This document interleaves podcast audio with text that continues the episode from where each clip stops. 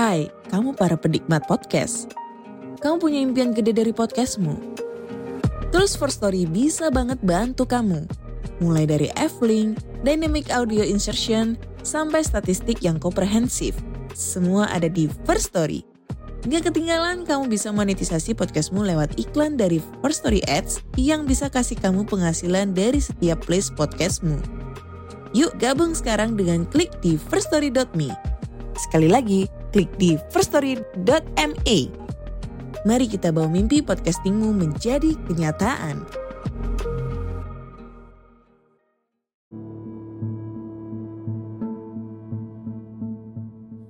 Halo, kembali lagi bersama saya Rensha Mahendra, your book reader.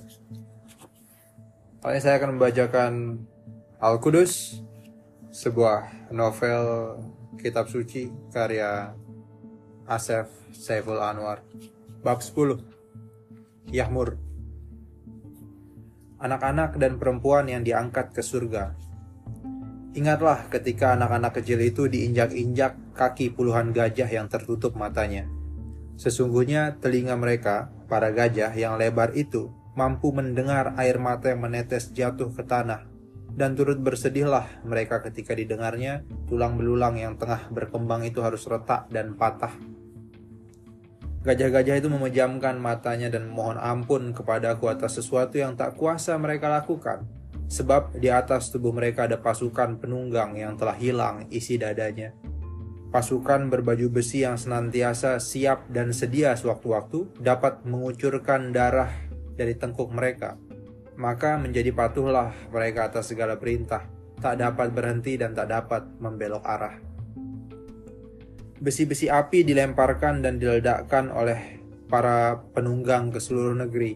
Apabila kalian menyaksikan besi-besi berapi yang diarahkan ke tubuh perempuan-perempuan yang sedang mendekap anaknya, sesungguhnya telah kami ambil nyawa mereka dengan amat lembut. Kami taruh mereka di dalam surga, sebelum besi-besi berapi itu meledak dan menghanguskan tubuh yang ditinggalkan rohnya. Seperti telah kami angkat pula nyawa anak-anak kecil yang menangis ketakutan akan terinjak gajah. Telah kami tempatkan mereka di surga sebelum air mata mereka meninggalkan pipi. Maka tak ada lagi luka dan tak ada lagi rasa sakit, kecuali kesedihan bagi orang-orang yang menyiksanya. Betapa dekat jarak tanah Tuhan para nabi itu dengan pintu surga, sedekat celah neraka dengan suatu kaum yang mengatasnamakan Tuhan untuk merebut sepetak tanah. Suatu kaum yang menyerang anak-anak kecil dan perempuan-perempuan yang sedang menyusui hanya demi tanah yang dijanjikan. Kapankah kami pernah menjanjikan akan memberi sepetak tanah kepada mereka? Bukankah seluruh bumi dan semesta beserta isinya adalah milikku? Amat kecil bagi kami hanya menjanjikan sepetak tanah untuk suatu golongan.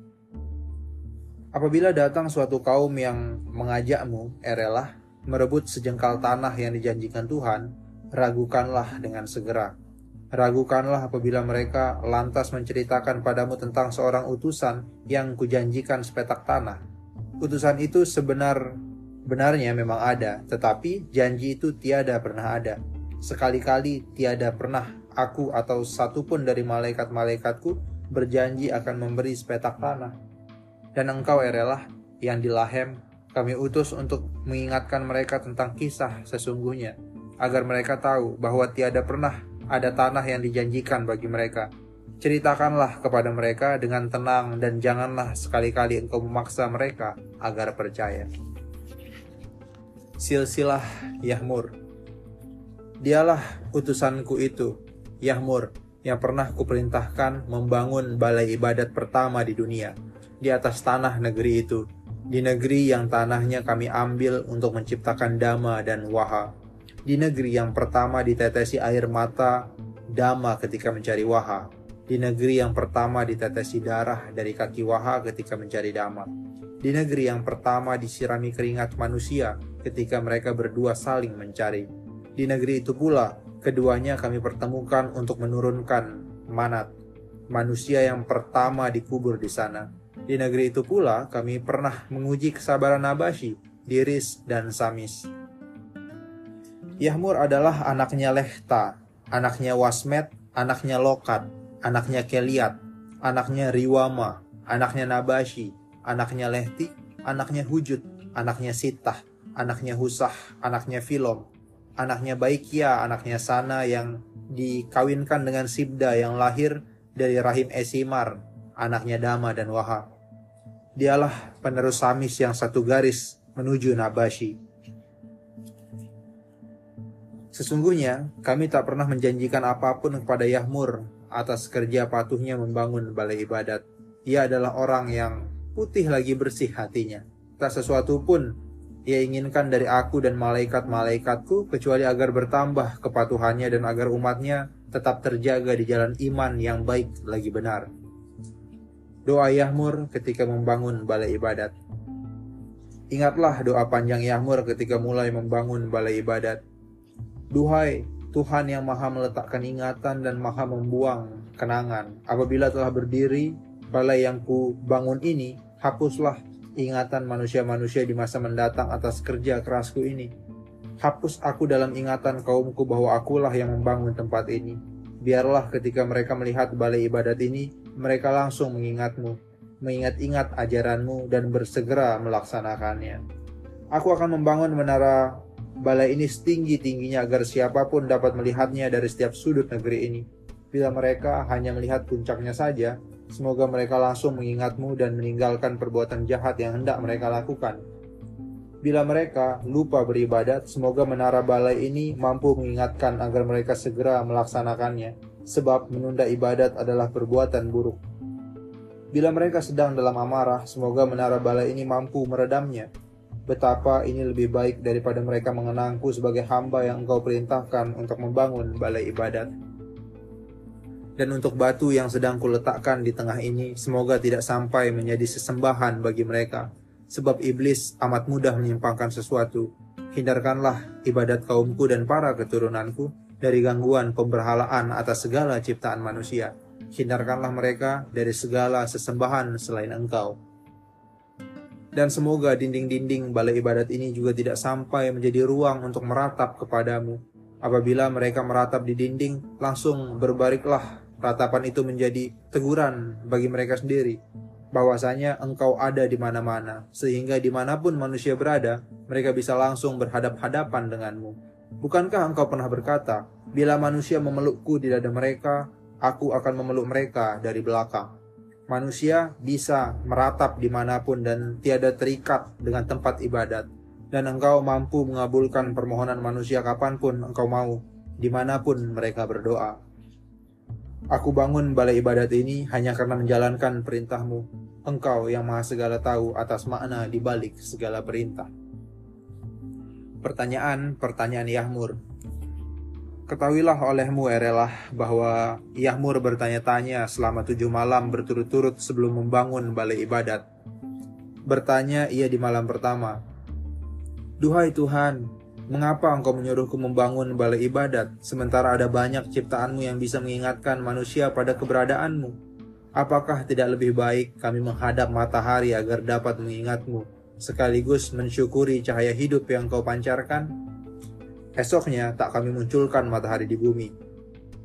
Berkata Yahmur, Duh, Tuhan yang selalu luas ampunannya, ampunilah aku, sebab aku telah berbuat salah meminta manusia menghadap matahari.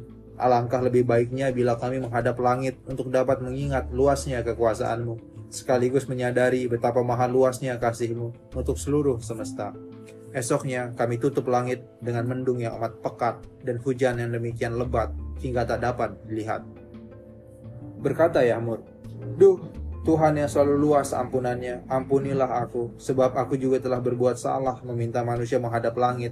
Alangkah lebih baiknya bila kami menghadap tanah untuk dapat mengingat keagunganmu, sekaligus mengingat asal muasal kami dan senantiasa mengingat masa depan kami yang pasti akan masuk ke dalam tanah.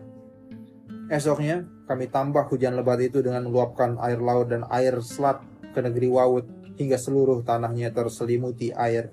Berkata Yahmur, Duh, Tuhanku yang selalu luas ampunannya, ampunilah aku, sebab aku juga telah berbuat salah meminta manusia menghadap tanah. Alangkah lebih baiknya bila kami menghadap air sebagai ciptaanmu yang senantiasa mengalirkan kehidupan.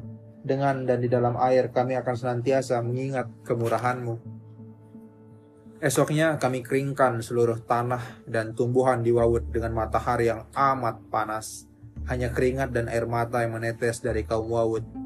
Berkata Yahmur, Duh Tuhanku yang selalu luas ampunannya, ampunilah aku sebab aku juga telah berbuat salah meminta manusia menghadap air. Alangkah lebih baiknya jika kami menghadap pepohonan untuk mengingat kelembutanmu yang senantiasa memberikan keteduhan. Esoknya kami jatuhkan seluruh pohon yang tumbuh di Wawut dengan mengirim angin yang amat sangat keras lagi kencang. Sebagian rumah-rumah mereka porak-poranda, sebagian kaumnya tertimpa pohon-pohon yang diterbangkan dan dijatuhkan hingga tulang mereka patah dan kulit mereka robek. Berkata Yahmud, Duh, Tuhanku yang selalu luas ampunannya, ampunilah aku, sebab aku juga telah berbuat salah meminta manusia menghadap pohon Alangkah lebih baiknya jika kami menghadap api untuk mengingat keperkasaanmu yang mampu menghidupi kami. Esoknya, kami turunkan batu berapi yang ada di langit dan terbakarlah rumah-rumah penduduk Wawut.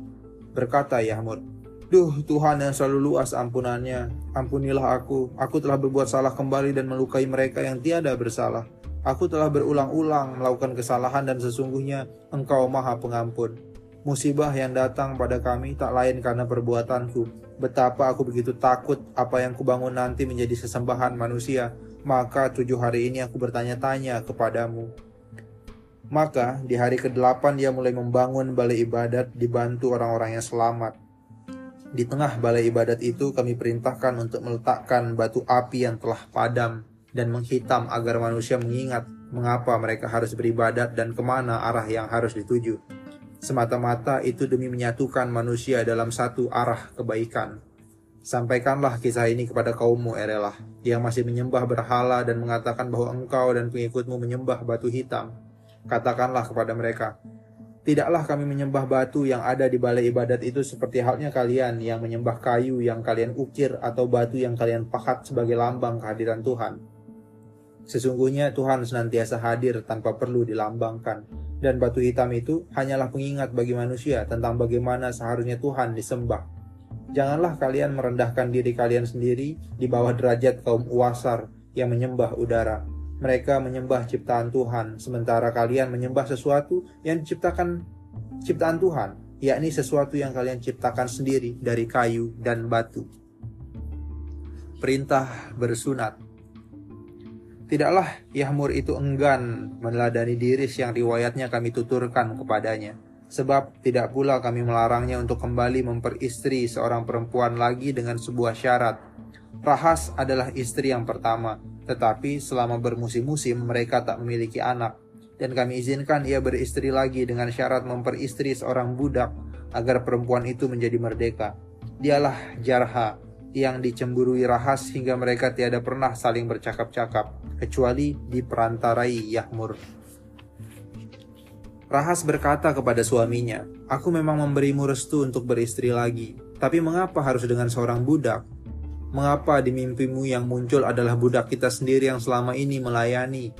Jika benar ini adalah perintah Tuhanmu yang datang kepadamu melalui mimpi, maka suatu saat Tuhanmu pasti akan mengujimu melalui mimpi Kecemburuan dan kecurigaanku akan hilang ketika engkau mampu melalui ujian itu.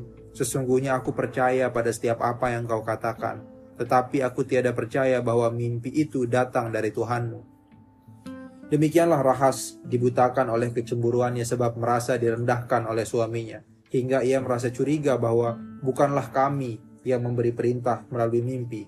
Sampaikanlah kepada kaummu Erelah jika ada satu sosok yang mengaku Tuhan di dalam mimpimu, sungguh itu dusta belaka. Sesungguhnya Tuhan hanya hadir dalam mimpi rasul yang pernah diperintahkannya langsung. Bahkan pada beberapa rasul aku tak pernah hadir di dalam mimpi mereka. Dan tidaklah aku hadir dalam sosok yang dapat ditangkap mata dan telinga manusia yang tengah tidur. Sebab rahas menjauh, Yahmur kian dekat dengan Jarha. Dan tumbuhlah benih itu hingga pada suatu malam dilahirkan. Benih yang dilahirkan dari rahim Jarha itu diberinya nama Shailam. Rahas bertambah menjauh, tetapi Yahmur tetap mendekat. Jarha meminta Yahmur terus mendekati Rahas sementara ia ingin menyusui Shailam. Meluluh hati Rahas ketika Yahmur telah berpeluh. Dan kami izinkan benih itu tumbuh dalam rahim rahas yang telah siap mengandung. Benih yang dilahirkan itu diberi nama Sakih. Kedua ibu itu tengah berbahagia ketika kami datangkan perintah lagi kepada Yahmur dalam mimpinya. Berkorbanlah dengan memotong sebagian daging yang menggelantung di tubuhmu. Berkata Yahmur kepada Rahas, Sesungguhnya perkataanmu dulu telah menjadi doa, dan Tuhan telah mengabulkannya dengan memberiku perintah untuk mengorbankan sebagian tubuhku. Engkau akan menjadi saksi bahwa aku akan melaksanakan perintah itu agar engkau percaya bahwa mimpi yang pertama adalah juga perintah dari Tuhan yang hendaknya kalian tidak lagi berjauhan atau bermusuhan. Kami uji kesungguhan Yahmur melalui alat-alat yang hendak memotong sebagian tubuhnya itu. Bila bambu membuatnya berdarah, tapi tiada satu lapis pun bagian tubuhnya itu terpotong Pisau milik Rahas membuatnya berdarah, tapi tiada satu lapis pun bagian tubuhnya itu terpotong. Pedangnya membuatnya berdarah, tapi tiada satu lapis pun bagian tubuhnya itu terpotong. Ujung tombaknya membuatnya berdarah, tapi tiada satu lapis pun bagian tubuhnya itu terpotong. Hanya kapaknya lah yang kemudian membuat bagian tubuhnya itu terpotong ujungnya. Kami berfirman kepadanya, Sesungguhnya Tuhanmu mewajibkan apa yang telah engkau lakukan itu untuk umat manusia setelahmu, dan ini berlaku pula atas kaummu. Tidaklah Yahmur menangis sebab kesakitan, tidak pula Rahas menangis karena melihat keadaan suaminya. Yahmur menangis sebab bahagia tidak salah menafsirkan perintah kami, dan Rahas menangis sebab bahagia atas ketaatan suaminya kepada Tuhan. Tiga musim mereka berkumpul dalam malam-malam yang dibagi antara Jarha dan Rahas. Dan Jarhalah yang kembali mengandung benih Yahmur. Itulah benih anak terakhir yang disayangi kedua ibunya dan diberi nama Zerkah. Derajat manusia. Ingatlah, sekali-kali kami tiada pernah meninggalkan suatu kaum atas kaum lainnya. Tidaklah kami menilaimu lebih baik daripada orang lain karena kamu lahir dari seorang ibu yang merdeka semenjak lahir tidak pula kami menilaimu lebih baik daripada orang lain karena kamu lahir dari seorang ibu yang dimerdekakan bapakmu. Dan tidak pula kamu menjadi lebih baik daripada orang lain sebab engkau lahir dari benih bapak yang disunat. Kami nilai manusia satu persatu dari kebaikan dan ibadahnya. Sungguh mulia mereka yang senantiasa berbuat baik pada apa pun dan pada siapa pun dengan tidak untuk apa pun telah kami sediakan surga dengan sebaik-baiknya bagi mereka yang gemar menebar kebaikan dengan cara-cara yang baik. Apabila ada suatu kaum yang mengaku paling beriman di hadapan Tuhannya, sungguh itu semata-mata dusta belaka. Bagaimana mungkin ada suatu kaum yang terdiri atas orang-orang yang sama kadar imannya, padahal mereka memiliki hati, pikiran, dan langkah sendiri-sendiri? Bukankah di antara pengikut Samis dulu ada yang mengkhianati ajaran gurunya itu sementara lainnya tidak mengetahuinya? Demi malis, sesungguhnya kami nilai dan catat perbuatan manusia sejak dari dalam. Sampaikanlah kepada kaummu, Erelah. Membatalkan niat buruk itu lebih baik daripada tidak melaksanakan niat baik. Sebab membatalkan yang pertama lebih sulit daripada melaksanakan yang kedua dan batalnya niat buruk itu sering diikuti kebaikan, sedangkan batalnya niat baik sering diikuti keburukan. Ketahuilah apabila ada suatu kaum yang mengaku lebih mulia di hadapan Tuhannya karena memiliki garis darah dengan orang-orang suci itu, sungguh dusta belaka, sebab keimanan seorang tidaklah diturunkan dari aliran darah. Yahmur memiliki dua anak lelaki dan satu anak perempuan, satu lelaki yang di tengah tak pernah mau beribadat. Dibimbingnya anak satu ini tetapi tiada pernah mau menurut.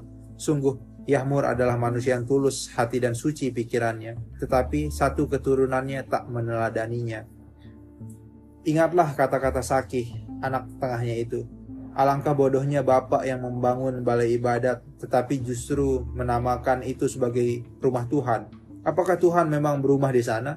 Dan betapa lemahnya Tuhan yang Bapak sembah itu sebab meminta ciptaannya untuk membuatkannya rumah. Sungguh, Sakih tiada pernah membantu bapaknya mendirikan balai ibadat dan telah kami terangkan kepadanya dengan amat nyata mengapa balai ibadat itu harus didirikan melalui bapaknya dan pada tujuh. Itu pun ia turut mengalami peristiwa yang terjadi akibat permintaan-permintaan bapaknya. Telah tujuh hari berturut-turut pula kami beri tanda, tetapi ia yang tengah dilanda kesedihan akibat ibunya yang meninggal, tidak mampu memahaminya. Hanya Selam, sulung Yahmur dan Zerkah bungsu Yahmur yang mengerti sebab mereka amat dekat dengan ibu dan bapaknya. Maka diusirlah anak tengahnya itu pada suatu dini hari yang berhujan. Ia berkata, Bukanlah seorang bapak yang bijak yang mengusir anaknya yang telah kehilangan ibunya. Kematian ibuku adalah karena engkau lebih memilih membangun balai ibadat daripada mengurus ibu yang sakit dan lemah. Makam ibuku ada di sini, dan suatu saat aku atau keturunanku akan merobohkan balai ibadat yang kau bangun dan hanya meninggalkan makam ibuku yang lebih layak dikenang. Pergilah Sakih ke arah utara dengan perasaan marah disertai sumpah sebagaimana iblis pernah melakukannya janji yang diada-adakan. Sampai terdengarlah kabar itu sebagai sebuah wahyu, seolah-olah akulah yang menjanjikan tanah untuk keturunan Saki. Sungguh adalah ia yang menurunkan cerita palsu itu kepada anak turunannya. Berkata ia, ketika telah sampai di utara Wawut, aku dan bapakku pernah membangun sebuah balai ibadat di wilayah selatan. Di antara saudara-saudaraku, hanya akulah yang paling rajin membantu Akulah anak yang paling sah mewarisi peninggalan bapakku sebab aku lahir dari perempuan yang merdeka. Sebab aku pun mendengar Tuhan berkata pada bapakku bahwa ia akan memberikan seluruh tanah di Wawut apabila balai ibadat itu telah berdiri. Namun, karena kecemburuan saudara-saudaraku, aku dituduh mencuri batu hitam yang tidak pernah berpindah ke mana pun selain di tengah balai itu. Apabila kalian kehilangan tempat tinggal karena terusir dari waktu ke waktu, rebutlah tanah di selatan itu. Sebab tanah itu adalah janji Tuhan yang pasti akan dipenuhi untukku dan keturunanku. Dan ingatlah bahwa kalian harus menyerang bangsa di selatan itu sampai kiamat datang.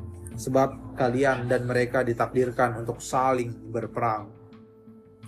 Menyebarlah keturunan Sakih di utara, Rat, kemudian menuju ke barat hingga ke sebuah daratan, Lanaf, dan Ketika sampai pada masamu, mereka telah tiba pula di wilayah yang dihuni keturunan Lanat, Kam, dan yang dihuni keturunan Owani, Wen. Berita palsu yang itu terus dibenakkan seolah sebuah firman. Berita palsu itu terus dibatinkan hingga menjadi sebuah ajaran. Maka menjadi yakinlah keturunan Sakih yang menyebar di utara dan di barat. Itu untuk merapat dan berhimpun. Bersatu mereka penuh dendam untuk merebut tanah yang dijanjikan. Sebab berita palsu itu membawa-bawa namaku. Mereka tiada lagi memperhatikan anak-anak kecil dan perempuan-perempuan yang menyusui asal dapat menguasai. Segalanya diserang dan diterjang. Gajah-gajah dikerahkan, besi-besi berapi ditembakkan. Jika terus demikian, sungguh peperangan mereka itu niscaya dipelihara hingga kiamat. Sebab mereka yakin itu telah menjadi ketetapanku betapa sejatinya mereka bisa langsung merebut tanah itu dan membunuh seluruh kaum yang ada di sana yang kini tinggal sedikit. Namun, dipeliharanya kaum yang sedikit di Wawut itu agar terus terjadi perang. Hingga perang itu kini bukan lagi demi tanah yang dijanjikan, tetapi demi firman Tuhan yang mereka yakini, firman Tuhan yang mereka ada-adakan sendiri. Maka Apabila ada di antara bangsamu yang ingin turut berjuang ke tanah Tuhan para nabi, laranglah. Cegahlah dengan cara sebaik-baiknya. Bila mereka berangkat ke negeri itu dan turut berperang melawan keturunan Saki, sejatinya mereka sedang meniup bara di dalam dada mereka sendiri sembari menyipas api di dada keturunan Saki. Dan sampaikanlah kepada kaummu, Tuhan menyeru kepadamu mengajarkan ibadat untuk orang-orang terdekat dan berbuat baik terlebih dahulu kepada mereka, keluargamu, saudaramu, tetanggamu, dan orang-orang sebangsamu. Janganlah engkau membantu orang di seberang lautan hanya karena perasaan seiman, sementara tetanggamu dilupakan. Janganlah engkau turut memperjuangkan tanah orang-orang yang seiman, sementara bangsamu sendiri dalam keterpurukan. Sungguh, lebih mulialah mereka yang menebar kebaikan kepada orang-orang terdekatnya, meskipun yang terdekat itu memusuhinya dan orang-orang yang beriman itu selalu dalam lindungan Tuhan. Bukankah ibadat adalah sebagian dari iman sementara sebagian yang lain adalah kebaikan? Maka tidak sempurna ibadat seorang tanpa berbuat kebaikan. Beribadatlah kamu hanya kepadaku dengan menghadap balai ibadat yang telah dibangun Yahmur dan berbuat baiklah kepada siapa pun juga pada apa pun dengan tidak untuk apa pun. See you on next episode. Bye.